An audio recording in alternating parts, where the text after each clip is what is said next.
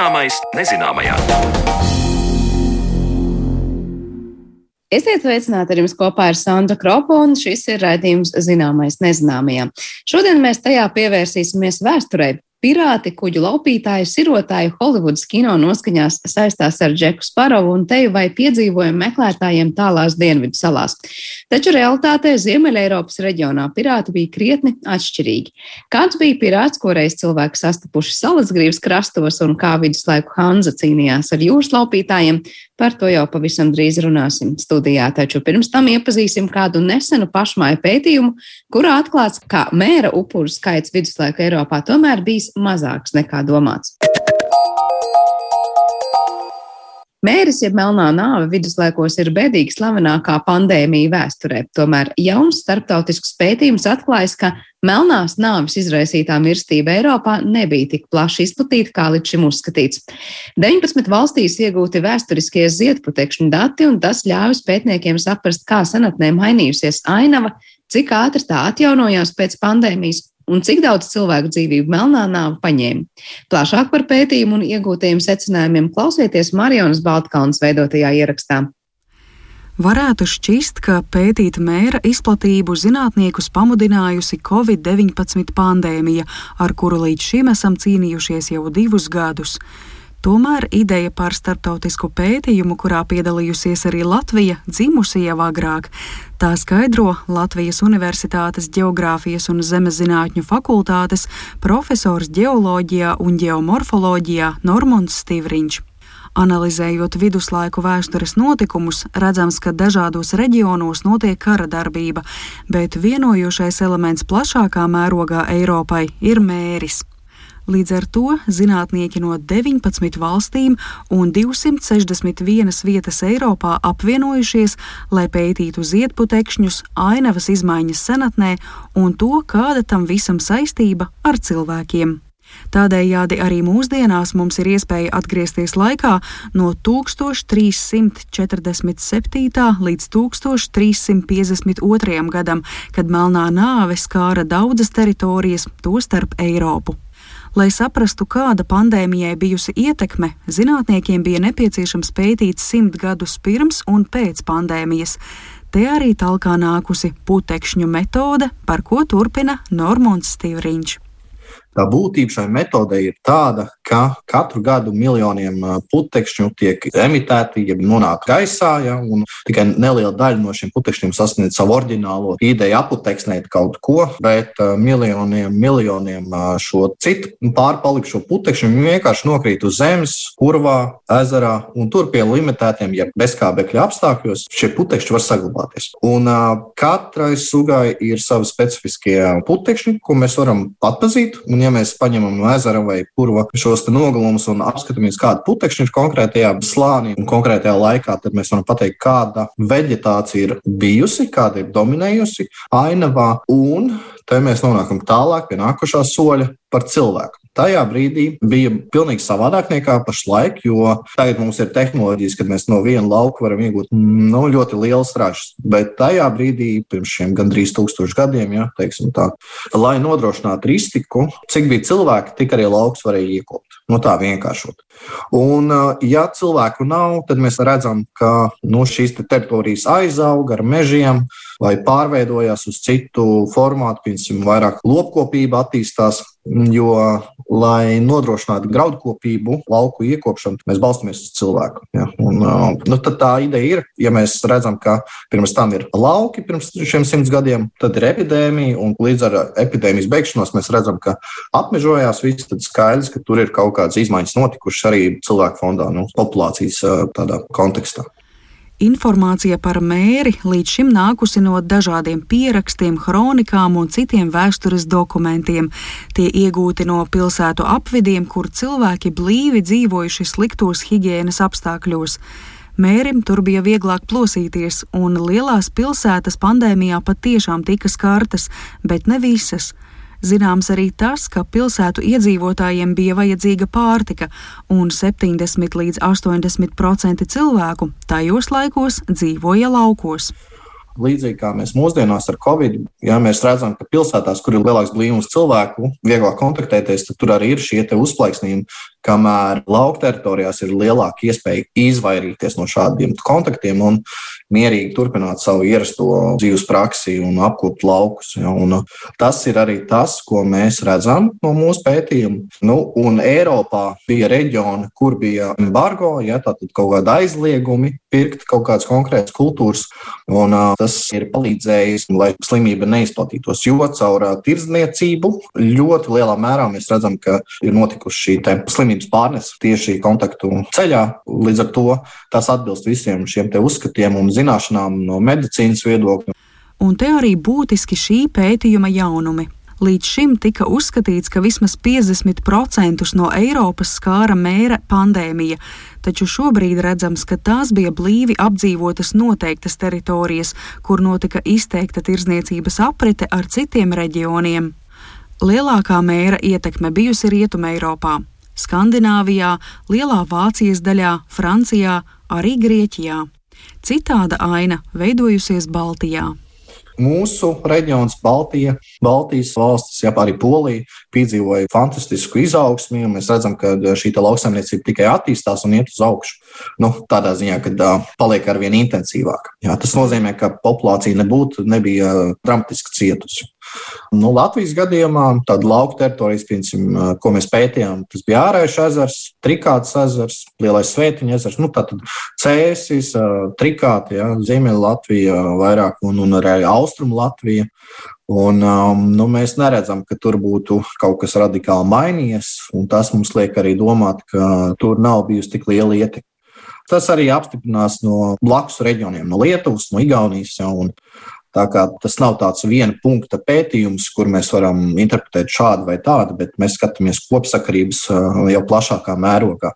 Atcaucoties vēl uz vienu lietu, ko jūs pirms tam arī minējāt, tad, uh, ja es pareizi saprotu, tā loģika tad ir tāda, ka bija piemēram kaut kāds uh, lauks, labības lauks, tad nāca epidēmija, pandēmija, Un, ja mēs redzam, ka pēc kāda laika šis labības lauks atjaunojas, tad mēs zinām, ka cilvēki tur ienāca, tātad cilvēki tik masveidā netika nopļauti. Ne? Un no tā mēs izdarām secinājumus, ka mēris tik daudz cilvēkus nenokāva. Jā, nu, tas tā ļoti vienkārši tieši tā, tā arī ir. Jā. Un tur jau, protams, ir vairāk šie scenāriji. Viens ir, ka lauksaimniecība, ja, kā es minēju, ir, ka beidzās tad ir vai nu aizaug, vai arī ar lopkopību vairāk nodarbojas. Un te mums arī ir jārunā, protams, varbūt ne tiešā mērā ar šo epidēmiju, bet šāds kataklizmas, krasas populācijas samazināšanās ir arī veicinājušas šveices siera rašanos, jā, jo nebija vairs cilvēki, kas nodarbojas ar graudkopību, bet varēja vairāk ar lopkopību nodarboties, un piens, sieras, biezpiens, visi šie produkti varēja sākt attīstīties. Te ir tāds piemērs, ka notiek krasas radikālas izmaiņas, un tas dod tādu attīstības grūdienu, evolūciju citā virzienā mazliet. Ja? Tāda varbūt, ko mēs nebijām aizdomājušies līdz tam. Bet to jau tikai redz pēc tam. Tās ietekmes mēs varam novērtēt tikai pēc ilgāka laika. Un tā ir tā būtība liela datu, paliekoloģisko datu pozitīvā puse, ka mēs varam novērtēt plašu reģionu, cik ātri kas atkopjās, cik ātri populācija atjaunojās, cik strauji mēs redzam kaut kādas izmaiņas ainavā. Ja? Un, uh, to var novērtēt tikai ilgtermiņā. Tāpat kā Covid-19 gadījumā, arī mērim sekojas otrais un trešais vilnis, kam arī bija sava ietekme. Nu, līdz ar to tās teritorijas pirmajā vilnī droši vien skāra visizteiktāk, un pēc tam jau nākošie, nu, tad jau varēs skart arī citas teritorijas. Bet tas, ko mēs redzam mūsu pētījumā, tad uh, Arī simts gadus pēc šī pirmā uzplaiksnījuma mēs neredzam, ka Latvijas teritorija un Baltijas teritorija būtu krasi cietusi no mēra epidēmijas. Protams, Latvijā kaut kur varēja notikt šādas izmiršanas, pat varbūt ja, atsevišķu ciemu izmiršanas, un, un ir tādas liecības, ka Latvijā tā ir noticis. Bet mēs nerunājam par visu Latvijas teritoriju. Ir atsevišķi punkti Latvijā, kur tas patiešām tā varēja notikt. Nu, kādai vispār ir svarīgi pētīt šīs lietas? Nu, tas mums ļauj arī eh, vismaz saprast, prognozēt, ko mums sagaidīt, ja notiek epidēmija vai notiek vulkāna izvirdums, piemēram, kāda varētu būt reakcija, kā mums būtu jārīkojas. Jo tās ir tās zināšanas, uz ko mēs balstāmies arī visi šie modeļi. Viņi balstās uz kaut kādiem empiriskiem pētījumiem, pieņēmumiem, eksperimentiem. Ja, šis ir viens no reāli notikušas epidēmijas. Ja, piemēram, mēs varam redzēt, cik strauji, kā kas izplatās un kāda ir šī ietekme. Kur vairāk, kur mazāk, un to jau var arī paņemt kā tādu pamatu, kas mums dod vismaz kaut kādu šo izpratni par iespējamo scenāriju. Normons Stīvriņš skaidro, kā praktiski noritējusi paraugu iegūšana un to analīze. Ar rokas urbi veikti urpšanas darbi ezerā, ar speciālu iekārtu metru pēc metra iegūti ezera nogulumi, daļa paņemtā parauga nosūtīta uz laboratoriju, kur ar radioaktīvā oglekļa datēšanas metodi noteikts vecums nogulumiem, bet vēl viena nogulumu daļa sagatavota pētīšanai zem mikroskopa un tad darbs pie mikroskopa, nosakot putekšņu daudzumu vienā paraugā, aprēķinot, kuras augu sugas dominējušas un radot izpratni par ainavu. Paiet viens līdz divi gadi no paraugu paņemšanas brīža līdz konkrētiem datiem, un tas izskaidro plašo valstu sadarbību pētījuma ietveros, lai divu gadu laikā būtu iegūti dati uzreiz par daudzām vietām vienlaikus putekšņi ņemti gan no ezeriem, gan purviem, tātad ne visi parametri ir līdzīgi, bet tas šajā gadījumā nav svarīgākais. Mēs uh, zinām par putekšņiem gan daudz jau, cik tālu viņi ceļo, no kurienes nāk, no kādiem augiem, kādas ir šīs likumsakarības, jo putekšņa analīze, polinoloģija, nu, kur pēta tieši putekšņus gan jaunos, gan senos, jā, tad tā jau ir vairāk kā simts gadus veca, disciplīna, jeb nozara jau šajos simts gados ir ļoti strauji esam pavirzījušies uz priekšu, un līdz ar to mēs vairāk saprotam arī šos ceļus, no kurienes putekšņi nāk. Un ietekas, iztekas, protams, tam visam ir nozīme, bet to mēs ņemam vērā un pēc tam pie interpretācijas ļoti skrupulozi to arī mēģinam novērtēt, kāds ir iespējamais pieaugums no kaut kurienes citurienes vai Nu, šādi visi scenāriji ir jāparedz, protams. Un vēl es iedomājos vienu tādu lietu. Jūs paņemat tos paraugus un tad izdarat secinājumus par to oglekli un ziedputekšņiem, un varbūt kaut kādā brīdī ir nu, maldinoša informācija, vai mēs patiešām šos datus varam attiecināt uz 1300 gadiem, vai varbūt nē, nē, nē, tas tomēr ir uz to posmu. Tur jau arī jābūt milzīgai precizitātei. Tā tas arī ir. Jā. Ir izaicinoši to visu precīzi pateikt, jā, jo tās nav īsti koku gadsimtas, kur mēs varam gadu konkrēti pateikt. Bet mūsu kolēģiem Eiropā ir arī tādas vietas, kur ir tā saucamās vārves, jeb laminēti nogulumi, kas ir līdzīgi kā koku gadsimtas, kuras uzkrājās pa slānītiem gadu no gada. Viņas ir ļoti brīnišķīgi ar aci vienkārši pateikt, ka jā, tas ir gads, tas ir gads, tas ir gads. Un tad izskaitot šādas gadsimtas un vēl pieliekot klāt šos datējumus, mēs varam ļoti precīzi savilkt šo laika skalu ar izmaiņām. Latvijas gadījumā mums nebija vārnas, bet mēs balstījāmies uz šo radioaktīvā oglekļa datēšanas metodi. Protams, tur ir plus-mínus kļūdas, Nu, bet um, ir zināšanas arī par oglekļa izplatību uh, pagātnē, kā tā ir mainījusies. Tas mums palīdz uh, precīzāk jau precizēt iespējamos laikus. Tādēļ ir jāizveido arī dziļuma vecuma modeļi, chronoloģijas modeļi, kuri mums pasaka, šis ir statistiski visticamākais gads, kurš atbilst šim dziļumam. Bet neiet runa par tūkstošu gadu nobīdi, te iet runa par kaut kādu gadu nobīdi. Ja? Tad tā jau pietiekuši augsta precizitāte priekš šāda veida jautājumi ir. Jo te atkal notiek izmaiņa ainavā. Ainava uzreiz neapauga ar mežu divu gadu laikā. Ja, kā zināt, tad uh, paiet laiks, un mēs novērojam izmaiņas. Līdz ar to šai datēšanas precizitātei ir nozīme. Tādēļ mēs ņemam arī pietiekoši ilgi šos nogriežus, simts gadus pirms, simts gadus pēc, lai vegetācijas pētu un ainavu vispār izmaiņas notiktu, mēs varētu fiksēt šīs izmaiņas. Ja. Tad, tad atkal ilgi procesi ainavā. Cilvēku mūža ietvaros, protams, ir ilgs, bet dabā no ģeoloģijas viedokļa tas ir ļoti strauji viens tāds notikums. Tik tālu par mēra upuriem un šīs postošās slimības sekām viduslaiku Eiropā, bet raidījuma turpinājumā pievēršamies kādai citai sērgai šajā pat periodā un teritorijā, proti pirātiem.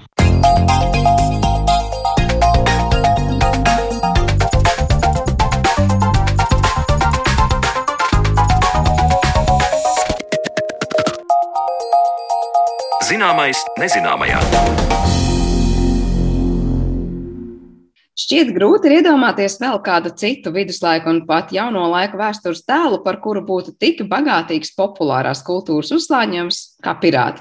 Taču Džeks Sparovs ar saviem rumu krājumiem un avantūrām krietni atšķiras no tā, kas bija pirāts viduslaiku Ziemeļeiropā.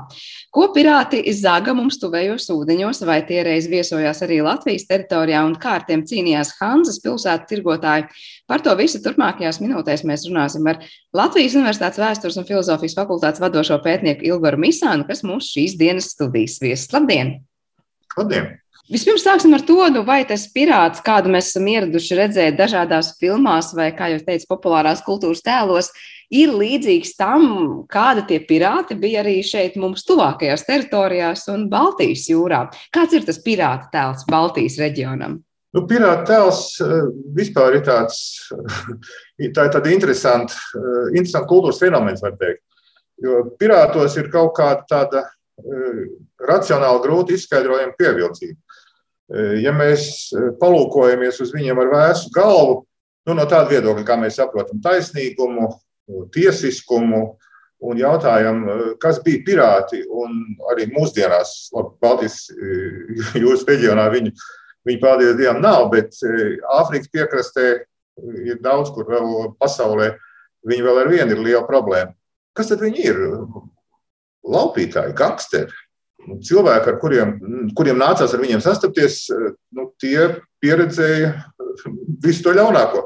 Ciešanas, varmācība un tā piratērijas vēsture ir tāda viena vienīga slepkavība, postīšanas un vardarbības vēsture. Un, uh, tomēr tādā apbrīnojamā kārtā viņiem ir tāds, kā, tāds, tāds oreāls, uh, romantizēta empātija. Un pat bērnu grāmatās viena no iemīļotākajiem varoņiem ir pirāti. Lego figūriņas ir pirāti. Tur nerunājot par datorspēlēm, par izklaides industriju un atrakciju parkiem un filmām. Un tā.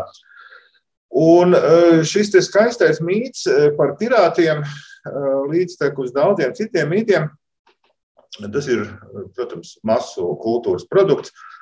Droši vien katram būs kaut kāda sava atbildes jautājuma, jā, kāpēc, kāpēc tas tā ir? Nu, kāpēc tādi vispār briesmīgi cilvēki, e, kāpēc e, viņi ir vienlaicīgi simpātiski?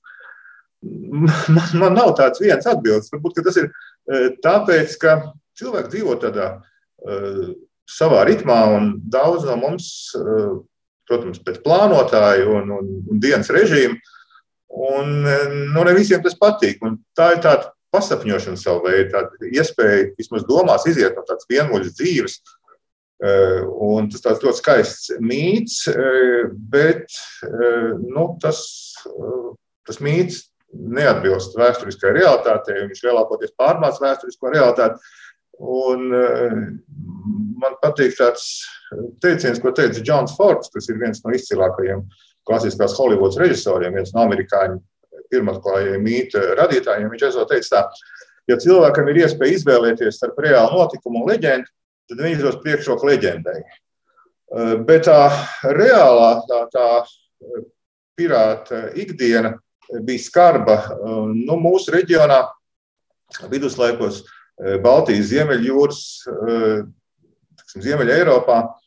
Viņi visvairāk operē no Dānijas salām, no neapdzīvotajām eh, Zviedrijas un Somijas šērām. Un eh, viņiem klājās eh, nu, visādi, kamēr nebija, tiksim, ja nebija situācijas, kad viņi iegūtu kādu politisku atbalstu, tad viņiem garās ziemās nācās pārlaist kaut kādās dzīvot primitīvās mājās, zemnīcās, kaut kur Zviedrijas mežos. Eh, turklāt viņiem bija jāatrod vieta un materiāli, lai remontētu kuģus. Un, kas bija pats galvenais, eh, viņiem bija jāatrod vieta, kur laupījumu realizēt. Un, uh, tas laupījums retu reizi bija nauda. Lielākoties tās bija kaut kādas parastas preces, nu, kas jau tajā laikā tika vadāts pa jūru. Siļķis, labība. Ja ļoti paveicās, izdevās uzbrukt un ap, aplaupīt kādu kuģi, kas veda kažokādus, audumus, Nu, tā, tam bija daudz lielāka vērtība, alus. Bet eh, ar visu to bija vajadzīgi uzpircēji. Jo pēc tam tās preces eh, vajadzēja eh, kaut kur realizēt, lai dabūtu nu, kaut kādu vismaz naudu par to visu, ar ko atkal savukārt samaksāt, tai, nu, tai sadalīt to, to laupījumu. Un, tāpēc viņiem tā viņa galvenā problēma bija tā, ka viņiem nebija ostas, viņiem nebija tādas stabilas ostas, kur uzturēties ilgstoši. Un tāpēc visu, visu to laiku viņi, viņi meklēja ostas, viņi meklēja arī vietas, kur viņi varēja kuģus savus remontēt. Un, nu, nav brīnums, ka šādu pirātu faktiski nebija daudz mierīgos laikos. Nebija daudz cilvēki, kas tādu dzīvi izvēlējās. Bija algoņi, vadoņi, bija karotāji ap viņiem, e, nu, kas piedāvāja tiksim, savus pakalpojumus, e, atgūt mantu. Vai, ja iesaisties kaut kāda, tiksim, radās kaut kādas ķildes starp e, aristokrātiem vai starp pilsētām, un nu, tad viņi, viņus varēja nolikt, jo te ir jāsaprot, ka viduslaikos tā visa izpratne par, par, par tiesiskumu, par taisnīgumu ir citāda nekā jaunajos laikos, eh, jo tur jau nav pilsoniskās sabiedrības. Un, eh, tad bija pašsaprotami viduslaikos, ka, ja ir kāds konflikts, tad ir eh, nu, to jāatrisina pašiem. Un tāpēc, kas vienam, piemēram, Hanzē bija pirāti, otriem nosacīti bija atkal otrā pusē, tie bija kārtības sargi. Jo viduslaikos ir, tas ir laiks, kad nu, nav tā, ka valstī būtu tiksim, monopols eh, un ka būtu likumi, kas eh, arī pēc tam tiktu ievērot, un valsts eh, raugās, lai tie likumi tiktu ievērot, ja nepieciešams pielietot spēku. Kas ir tie, kas kļuva par pirātiem, nu, kas izvēlējās, ja tā var teikt, nu, šādu nodarbošanos, vai kā jūs teicat, tie ir tie, kurus dažkārt nu, piesaistīja pasaules palīgā, bet vai tie konkrēti slāņu cilvēki, kas vairāk, var teikt, nu, novirzījās šai karjerai pēdiņās, ja tā mēs varam teikt? Tas eh, uz šo jautājumu nevar vien skaidri atbildēt. Mēs pārāk maz zinām par, par personām, par viņu tiksim, dzīves likteņiem. Nu, tas ir tāpat kā ir tāds līdzīgs fenomens, eh, kas ir mazliet vairāk eh, aprakstīts, tā sauktie laupītāji bruņinieki. Kaut arī tas pats vārds ir problemātisks, jo viduslaika avotos nekur nesastapsiet tādu terminu laupītāju bruņinieki. Bet tas ir kaut kas līdzīgs arī.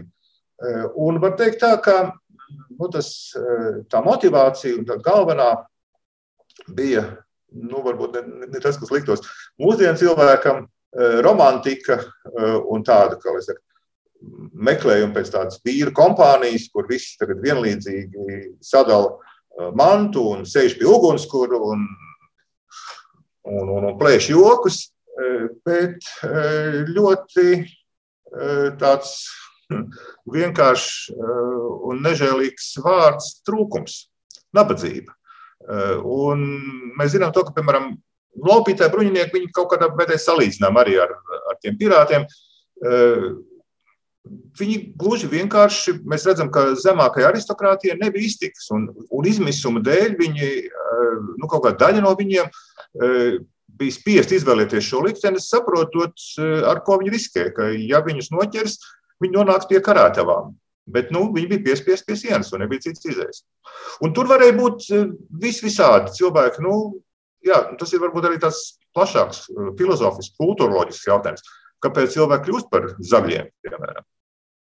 Un arī viduslaikos, ja kā mēs runājam. Visos laikos, un tā skaitā arī viduslaikos. Jā, tas ir tāds universāls jautājums. Jūs teicāt arī, nu, ja viņus noķer, tad viņi tiek līdz karātavām, un tomēr ir bijuši uzpircēji, kas no viņiem kaut kādā veidā šīs preces iegādājas. Cik daudz mums ir zināms par to, nu, kā viņi realizēja to savu laupījumu, un var teikt, nu, bija tāda, es nezinu, pagrīda, kurā tas notika, vai diezgan klāji patiesībā, nu, viduslaikos neraugoties uz to, ka viņi varēja tikt līdz karātavām, nu, viņi varēja to savu laupījumu realizēt. Nu, atklāti tas nenotika. Tās bija, tās bija tādas lietas, kas nu, tur bija jāslēpjas. Jo skaidrs jau ir tas, ka nu, preces varēja samērā viegli atpazīt. Un, nu, viduslaikos jau vispār tā visa tirzniecība bija ļoti reglamentēta. Būtībā visi, kas tirgojās nu, ārpus privilēģijām, tad tā normālā tirdzniecības gaita viduslaikos bija nevis tā kā mūsdienās, kad visi cenšas, pēc iespējas cenšas panākt brīvu tirdzniecību. Viduslaikos bija tieši pretēji. Vispirms jūs dabūjat privilēģijas, un tad jūs tirgojaties balstoties uz šīm privilēģijām. Un tie, kas tirgojas ārpus tiem likumiskiem ietvariem. Tā bija tāda sava veida pagrīde. Un tā bija arī tā skaitā ar tiem pirātiem problēma, kā jau teicu. Ja? Kā, kā, kā vēlāk tām precēm realizēt. Bet nu, vienmēr ir cilvēki, kas grib nopelnīt. Ir, ir, ir dažādi tirgi. Kaut arī jāsaka, tā, šīs lietas, saprotam, iemeslu dēļ, avoti ļoti mazi ir grūti rekonstruējams un ir maz pētīts. Tāpēc. Jā, par to pašu pētīšanu droši vien atsevišķi stāsts, ko noteikti gribēšu izmantot iespēju vēl jums pavaicāt šīs sarunas laikā, bet pirms tam gribēju noskaidrot, ja mēs runājam par to mums tuvāko apkārtni, un jūs sakāt, nu šī te Hanzas laiki un Savienības laiki, Uh, cik daudz mums ir zināms par konkrētām vietām Latvijā, kur dažādi pirāti ir uzturējušies, ko darījuši un kā viņiem tur ir gājis? Vai mums ir tādi nu, kartē punktiņi, kurus mēs pat varētu ielikt, vai vietas, uz kurām doties un to apskatīt? Uh, Latvijā, kas, kas, kas attiecas uz Latvijas teritoriju, tad uh, ļoti maz. Bet Livonijā vairāk ar Igaunijas saistībā Tur ir e, vairāk gadījumu, bet arī, piemēram, mums tuvākajā apkārtnē Gotlanda ir e, tāda vieta, e, kur ir pirāti darbojušies. Nu, varbūt tad ir jāizstāsta tas viss pēc kārtas. Un, nu, es varētu minēt kādus vairākus epizodus, un, varbūt, un tā būtībā tā, tā galvenā, tas, tas brīdis, kad tā piratērija aktivizējas visvairāk, tas ir uh, laiks 14. gadsimta beigās un 15. gadsimta sākumā. Un tas viss ir uh, saistīts ar uh, tā sauktiem Vitālija brāļiem, kas bija nu, tieši šāda veida karotāji, algotņi, kas aktivizējās mūsu reģionā 1389. gadā, kad Dānijas un eh, Norvēģijas valdniece Margarita, pateicoties Zviedru aristokrātijas atbalstam, eh, savās rokās bija iegūst faktiski kontroli pār Zviedriju. Un, eh, nu, lai gari nestāstītu, var teikt tā, ka Zviedrijas karalis Albrehts III, kas vienlaikus bija arī Mecklenburgas hercogs, viņš bija nonācis Margaritas gūstā un Mecklenburgas dinastijas valdnieku rokās bija palicis viens galvenais atbalsta punkts. Skandināvijā tā bija Stokholma, kas bija labi nocietināta. Un, e, lai tagad atbrīvotu Albrehtu, tad Mecklenburgas kārtas, tā skaitā Rostoks un Bismāras pilsētas, 1391. E, gadā noslēdz militāru savienību. Un uh, bija teikts tā, ka abas pilsētas atvēra savas ostas, cit, var citēt, visiem, kas gribēja nodarīt skādi dāņiem. Un pēc šī aicinājuma uz turienes steidzās eh, pilsētnieki, bruņinieki, zagļi, pirāti eh, un kļuva par, nu, šī, šīs pilsētas kļuva par laupītāju galvenajām atbalsta bāzēm. Eh, tāpēc viņu, tā, tā bija tāda varas sankcionēta laupīšana, viņas var uzskatīt par kaperiem, jo viņi darbojās Meklēburgas hercoga uzdevumā, un arī starp viņu vadoņiem bija nu, bruņniecības pārstāvi, kas bija militārā ziņā arī labi apmācīti. Kaut arī neviens oficiāls dokuments par to, ka viņiem būtu kāds pilnvars piešķirts, nav saglabājušies. Un, lūk, viņus sauc par Vitāliju brāļiem, jeb Vitāliešu brāļiem. Nu, tur var arī stāstīt, ka, no kurienes nāk tas nosaukums, bet tas varbūt arī nav tik būtiski.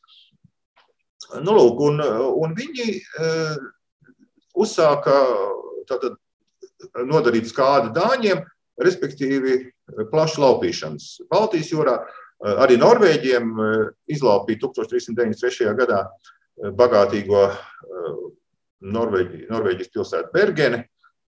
Un, nu, tagad bija, bija sācies karš, un Livonijas pilsētām, tā skaitā kā Hansas pilsētām, visām Hansas pilsētām tā bija, tā bija problēma, jo visa tirzniecība tika, var teikt, paralizēta.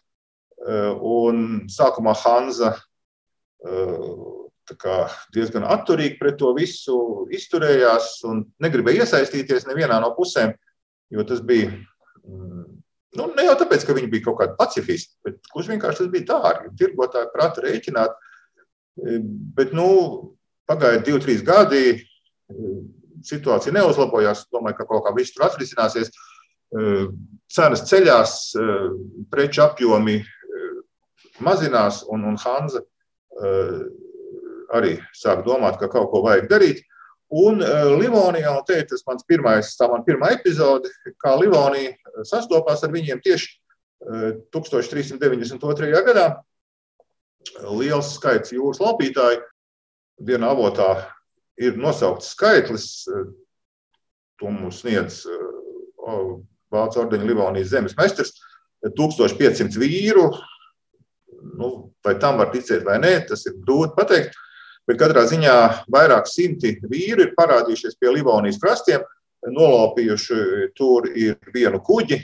Un, nu, kāpēc viņi šeit ir ieradušies? Ko viņi, tas ir bijis tāds milzīgs skaits, ko viņi te ir meklējuši, kas te bija tik daudz ko laupīt, tas nav zināms.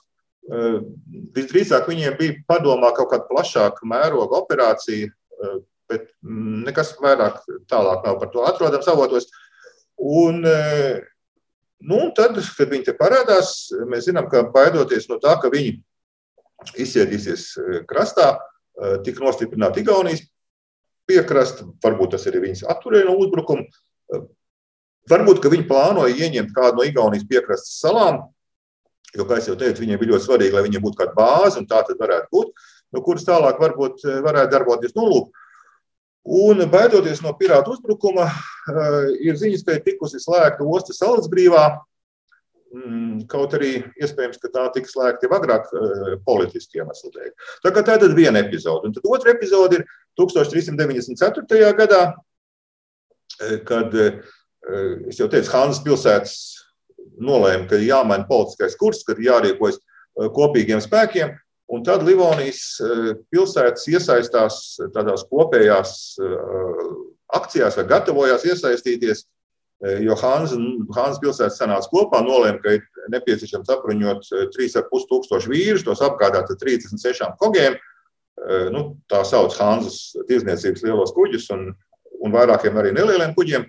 Un šos kuģus sauc par miera kuģiem tika noteikts, cik eh, kuģu katrai pilsētai vai pilsētu grupai, nu, Livonijas pilsētā, tiksim, kopā eh, bija jādod, un bija paredzēts, ka Livonijas pilsētām bija jādod divas kogis un 200 eh, vīru.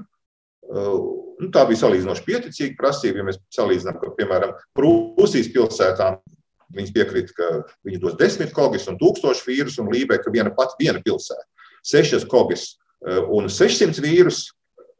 Nu, bet eh, tur eh, bija pretrunas liels eh, savā starpā.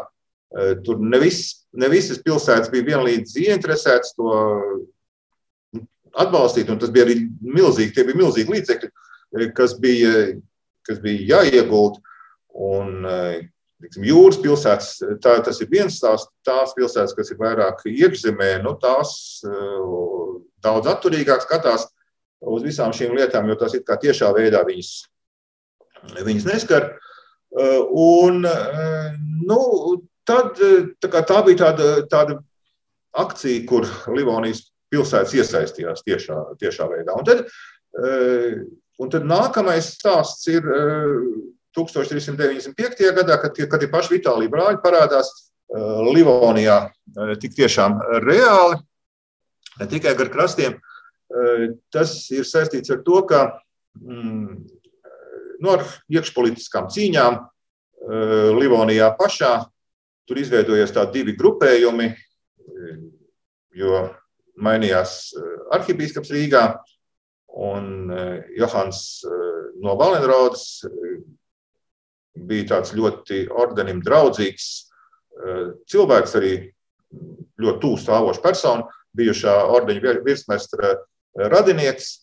Un uh, ordenis tieši 14. gadsimta beigās izvirza tādu, tiksim, tādu stratēģiju, kā pakļaut sev uh, Rīgas arhibīskapiju, būtībā inkorporēt Rīgas arhibīskapiju un izveidot tādu uh, pilnīgu savu varu pār Livoniju, pirmkārt jau par Rīgas arhibīskapiju, un tad Tērpats bīskaps un arī lielie Rīgas arhibīskapijas vasaļi Eh, bija pret, atteicās zvērēt eh, jaunajam arhivīskapam eh, uzticību. Un tad, kad nu, tur parādās arī starptautiskas visādas peripētīs. Īsi sakot, Meklenburgas hercogs arī iesaistās visā šajā, šajās iekšējās cīņās. Viņam tika solīts, ka viņa dēls Albrechts kļūs par tērbats bīskapu. Un, un tad viņš 1395. gada pavasarī Vitālija brāļu jūras laupītāju flotes pavadībā ieradās Livonijā, Tallinā.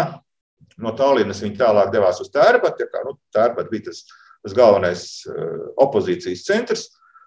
Vitālija brāļi sākumā palika Somijas jūras līdz piekrastē, gaidot tālākus notikumus. Un tad ordenis sakauja viņus pie Nārvas, notika lielākā kauja, uh, un pēc tam 500 vīru liela pirātu laupītāju vienība uh, devās uz Tērbatu, kur koncentrējās galvenie ordeņa spēki.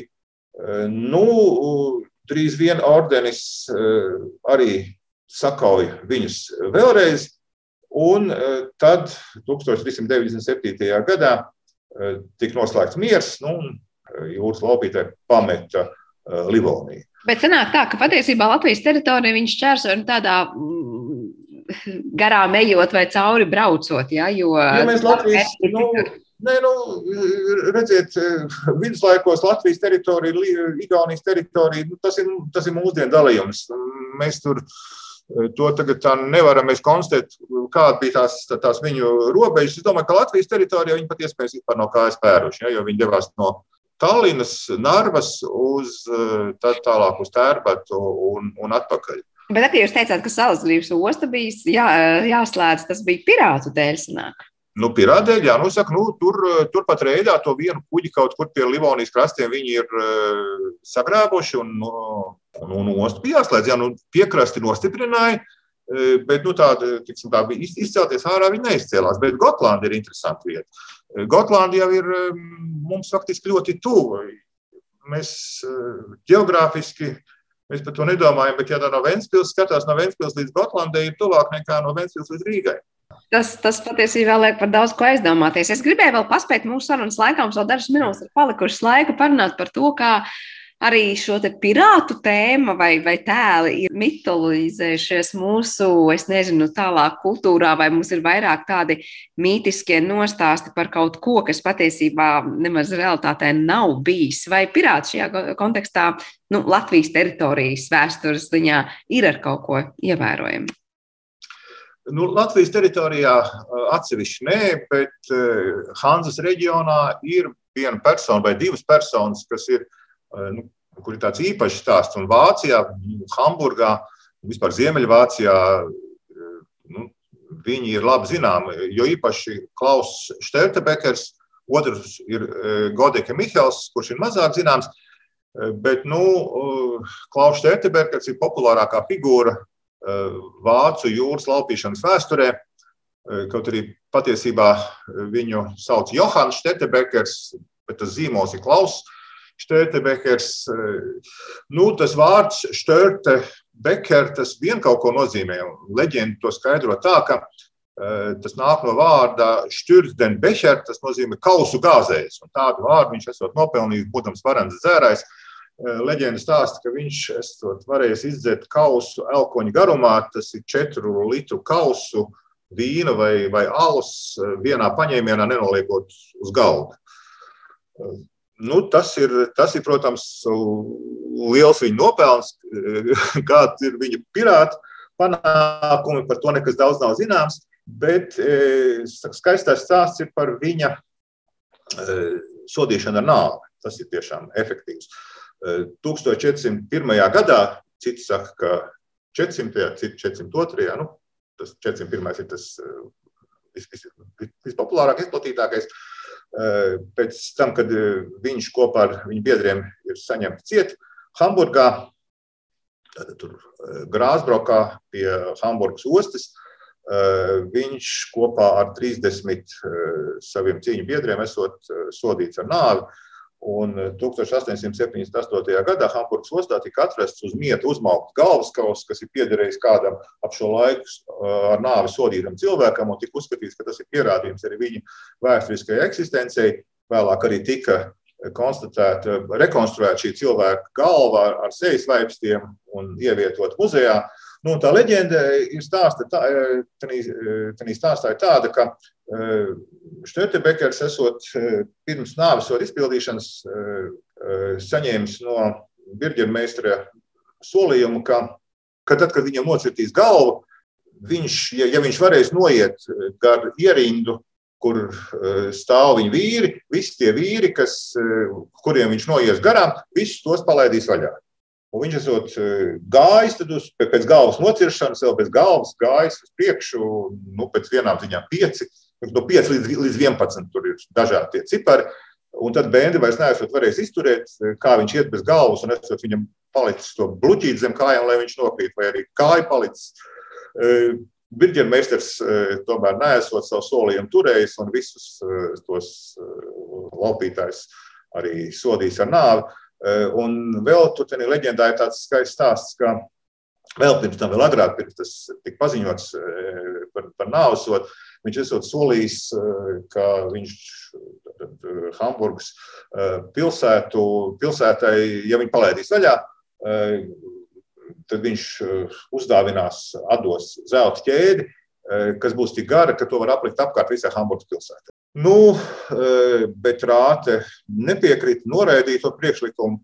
Un tad uh, ir tāda leģenda par Vitāliju brāļa zeltu, nu, pirātu zeltu, kā jau tas var iedomāties, ka to neizdevās atrast. Un tad Rāte esat pārdevusi to kuģi kādam kuģi būvētājam, un tas kuģi būvētājs gribēja nozāģēt mastu, lai to kuģi sazāģētu, tad viņš ierauga, ka viņš, tur ir kaut kas, kaut kas ciets, Un izrādās, ka vienā mastā ir bijis tas nu, pilns ar zeltu, nu, un otrā bija pilns ar sudrabu, uh, trešajā varu.